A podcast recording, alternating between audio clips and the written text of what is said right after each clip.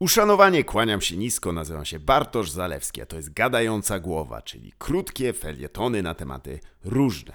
Dziś dzieciństwo to kraina błędów. Za dzieciaka dosłownie łazimy ze zbyt wielkimi głowami, wpadając na szmelc i wkładając ręce w ogień. Może gdzieś w tle kręci głową rozczarowany ojciec, wąsaty jak halabardnik, a matka łka rzewnie in the background, załamując łabędzie skrzydła nad naszym nieogarem. Gdy zderzymy się z innym członkiem ludzkiego rodu, włączany jest Protokół socjalizacji. Uspokójmy tutaj wszystkich porywczych libertarian, twardych gości w necie. Nie oznacza to, że za podatki z twojej ciężko zarobionej na spekulacji zerami jedynkami krwawicy stawia się rabatki z tęczowymi kwiatami. To po prostu kształtowanie naszej osobowości, manier i zasad. Tak nas drugi człowiek oraz interakcje z nim powoli ociosują, aż w wieku wczesno dorosłym zaczynamy coraz bardziej pasować do skomplikowanej mozaiki społeczeństwa, w którym żyjemy. Oczywiście poza basistami w zespołach ska, ci ludzie są gotowi na wszystko.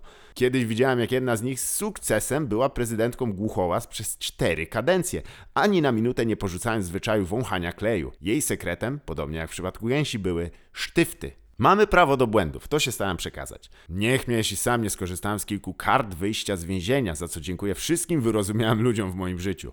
Doprowadziło mnie to do dwóch wniosków. Po pierwsze, o rany, jak dobrze być białasem w Polsce. Serio, w kategorii przypału jesteśmy teflonowi. Nic się do nas nie przykleja. Nie mówię tutaj o jakichś poważnych przewinach, ale póki trzymasz gębę na kłódkę i wyglądasz jak startowa postać w kreatorze każdej gry RPG, to dasz se radę. Kobiety, osoby niebinarne, poza heteronormą i wąskim gradientem koloru skóry, bardzo mi przykro. Naprawdę.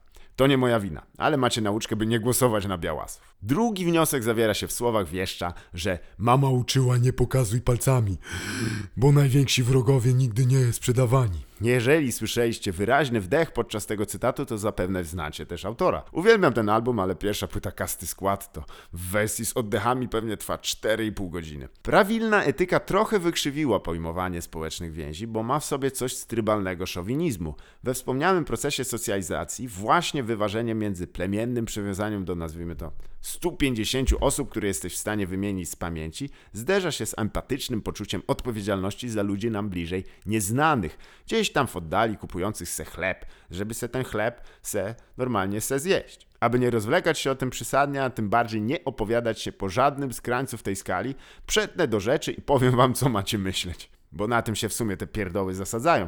Słabo uzasadnione, radykalne tezy, ale powiedziane z odpowiednią kadencją. Zgodzimy się chyba jednak, że rozsądne podejście do tych dwóch lojalności pomaga nam w byciu produktywnym członkiem społeczeństwa, a zasady dotyczące wybierania między nimi dość często ważą o mierze naszej godności. A teraz coś z zupełnie innej beczki. Zbigniew Ziobro. Wspaniały człowiek i wiem, ciężko uwierzyć, ale to też jest po prostu jakiś typ, co też se gdzieś żyje se. Bez kitu.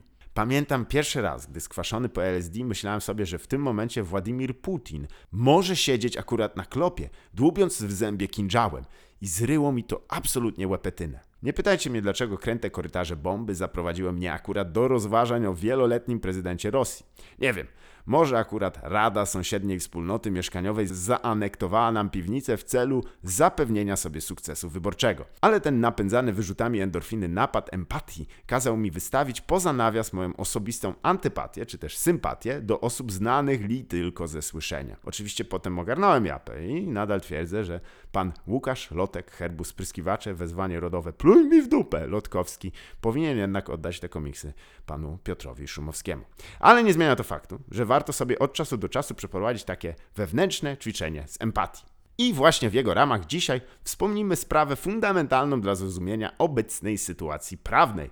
Otóż wspomniany minister sprawiedliwości Zbigniew Ziobro był w latach 90. XX wieku studentem na Wydziale Prawa i Administracji Uniwersytetu Jagiellońskiego. Ta szacowna uczelnia została założona, przypomnijmy, w 1364 roku przez Kazimierza Wielkiego w celu uzyskania dopłat na poszukiwanie źródeł geotermalnych smoczych Bebzonach. Nie będziemy wchodzić w zawiłe porównania między królem Polski a późniejszym prokuratorem generalnym Polski. Powiedzmy tylko, że obaj dość dużo zawdzięczają pochodzeniu.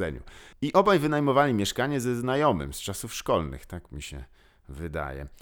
Wspomniany kolega, Jarek, Studiował rolnictwo na Uniwersytecie Jagiellońskim. A niedługo do mieszkania dołączył kolejny student rolnictwa, Marek, Zbyszek, Jarek i Marek. W jednym stali domku. Dosłownie jak początek krakowskiej wersji serialu Przyjaciele, która charakteryzuje się tym, że na noc z kranów jest spuszczana woda. Bo nie wiem, czy wiecie coś o krakusach, ale oszczędne z nich łapserdaki. Sielanka nie trwała długo, ponieważ postawy życiowe naszych przyjaciół zaczęły się rozchodzić. Nie mnie oceniać, ale jeśli jeden z Was nagle zaczyna chodzić na kursy homiletyki na Papieskiej Akademii Teologicznej, to raczej nie pogadacie o customowych mapach do Quake'a. W efekcie Mark i Jark opuścili mieszkanie, ale nie bez kontrowersji, ponieważ Bigs Big uznał, że dorobili sobie parę kluczyk. Co ma sens, bo dzięki temu wiedzieli, gdzie mogą wpaść ciemną nocą, jak im zabraknie w lodówce homilii. Dokładnie. Z tym, że pan minister nie zrobił tego, co robi każdy normalny człowiek, czyli nie zmienił zamków i nie przestał się wozić z typami. O nie, pan minister poszedł na policję. I okej, uwaga, miał do tego prawo. Serio. Ciężko mi to przechodzi przez gardło, ale można iść na policję. Jest to opcja dość radykalna, bo to tak jakbyś w trakcie podwórkowej gry w piłkę nożną dzwonił po war do Pierluigiego Koliny. Ale od tego momentu historia przyspiesza, ponieważ pan minister zaczyna otrzymać pogróżki, listy z żądaniami konkretnych sum, które ma zostawić pod, nie żartuję, jubilatem, groźby telefoniczne wobec rodziców i owinięty w gazetę kawałek makowca. Okej, to ostatnie nie, ale można zrozumieć, jak zareaguje przeciętny 24-letni student prawa. Tak, dokładnie, zgadliście.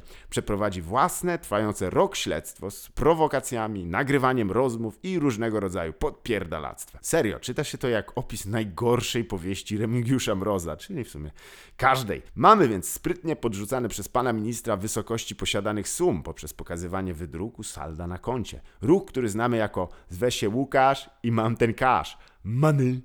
Mamy też wybiegi grafologiczne i moje ulubione. Nagrywanie ludzi namawiając ich na sprzedaż narkotyków. Panie, uch, tych ostatnich to ja mam cały folder. Na spotkaniach rodzinnych czasem wyciągamy je i śmiejemy się do rozpuku. Czasem nawet do rozpuku puku. Kto tam? Policja. Policja to! Dosłownie policja. Otwiera drzwi. Wiemy, że macie w środku karty Charizarda z hologramem. Po takim śledztwie logicznym posunięciem był obywatelski donos, wjazd służb policyjnych na chatę i powinięcie dwóch rzekomych szantażystów, łamane na wymusicieli, łamane na handlarzy narkotykami, łamane na zlecenia Agorasa w Czechach. Na szczęście sąd, zapoznając się z materiałem dowodowym, a przede wszystkim prowadzonym pokątnie śledztwem, odrzucił to w całości. Prokurator się śmiał i wszyscy dokazywali sobie nawet z dzióbków spijale. No jasne, że nie. Sprawa po 174 godzinach pracy biegłych grafologów, dziesiątkach rozpraw, przesłuchaniach wielu świadków i podróży przez wszystkie możliwe instancje kończy się 10 lat tego pierwszego pamiętnego strzała z ucha. Na szczęście uniewinnieniem. I teraz tak. Ocenianie kogoś przez pryzmat decyzji podejmowanych we wczesnym wieku młodzieńczym to śliska ścieżka, bo o ile mamy wtedy świadomość podejmowanych przez nas czynów, to nie zawsze zdajemy sobie sprawę z ich konsekwencji. To powiedziawszy, prowadzenie rocznego śledztwa przeciwko ziomkom, pisanie 16 stron apelacji do oskarżenia, odwalanie akcji jak koczak amator można nałożyć na dalsze działania już dorosłego mężczyzny. Bo dodajmy do tego wyniesione i wielokrotnie podkreślane poczucie walki z niesprawiedliwością, najczęściej skierowaną w nas samych, a potem przemnóżmy to przez podskórny wstyd towarzyszący postawie nielojalnej, to możemy skończyć na 48-godzinnych sądach, ustawie o przeciwdziałaniu narkomanii, od której to tysiące niewinnych ludzi ma nieprzyjemności, czy ciąganiu po sądach biegłych z dziedziny kardiochirurgii, nie wspominając. Ponieważ jednak jesteśmy dalej w obrębie zaproponowanego ćwiczenia empatii, wspólnie uspokójmy nasze umysły i przesijmy pozytywną, antysześćdziesiątową energię w kierunku pana ministra, co by spojrzał szczerze w lustro i pogodził się sam się ze sobą się. Było, co było. Szpagat zrobiony. Komendant sprzątnął talerzyki po serniku. Odznaka z uch chłopaka od komisarza lwa odlepia się już od kurteczki. Dorosły człowiek wie kim jest, nawet jeśli jest wielbłądem. Ba, niektórzy odwalili akcję i wcale dobrze z tym żyją, pogodzeni z innymi i ze sobą jak Michał Wojtek. Szczerość wobec siebie popłaca. Naprawdę, kochane i kochani, zróbmy to. Bo nawet jeśli nie uda się przesłać teraz tej energii niczym jakiś Son Goku w dresach, to nie wszystko na marne, bo dzięki nagraniu tych słów będę miał zręczny link do podesłania, jeżeli ktoś słysząc moje wynurzenia na wielkiej trasie Stand Up Polska, na którą serdecznie zapraszam, będzie bredził, ale proszę jakieś dowody, Co pan gada? Jak pan tak mówi o jednych, to czemu nie o drugich? Gdzie to jest? Pobyć porówno w żartach. A, nie, sprawiedliwość, jeju, gdzie? Temu trochę po tej. I dla tych serdeczne życzenie. Z całego przepełnionego empatią serca, żeby sobie kiedyś na worku usiedli, ale tak porządnie. Miłej środy tej i wszystkich innych.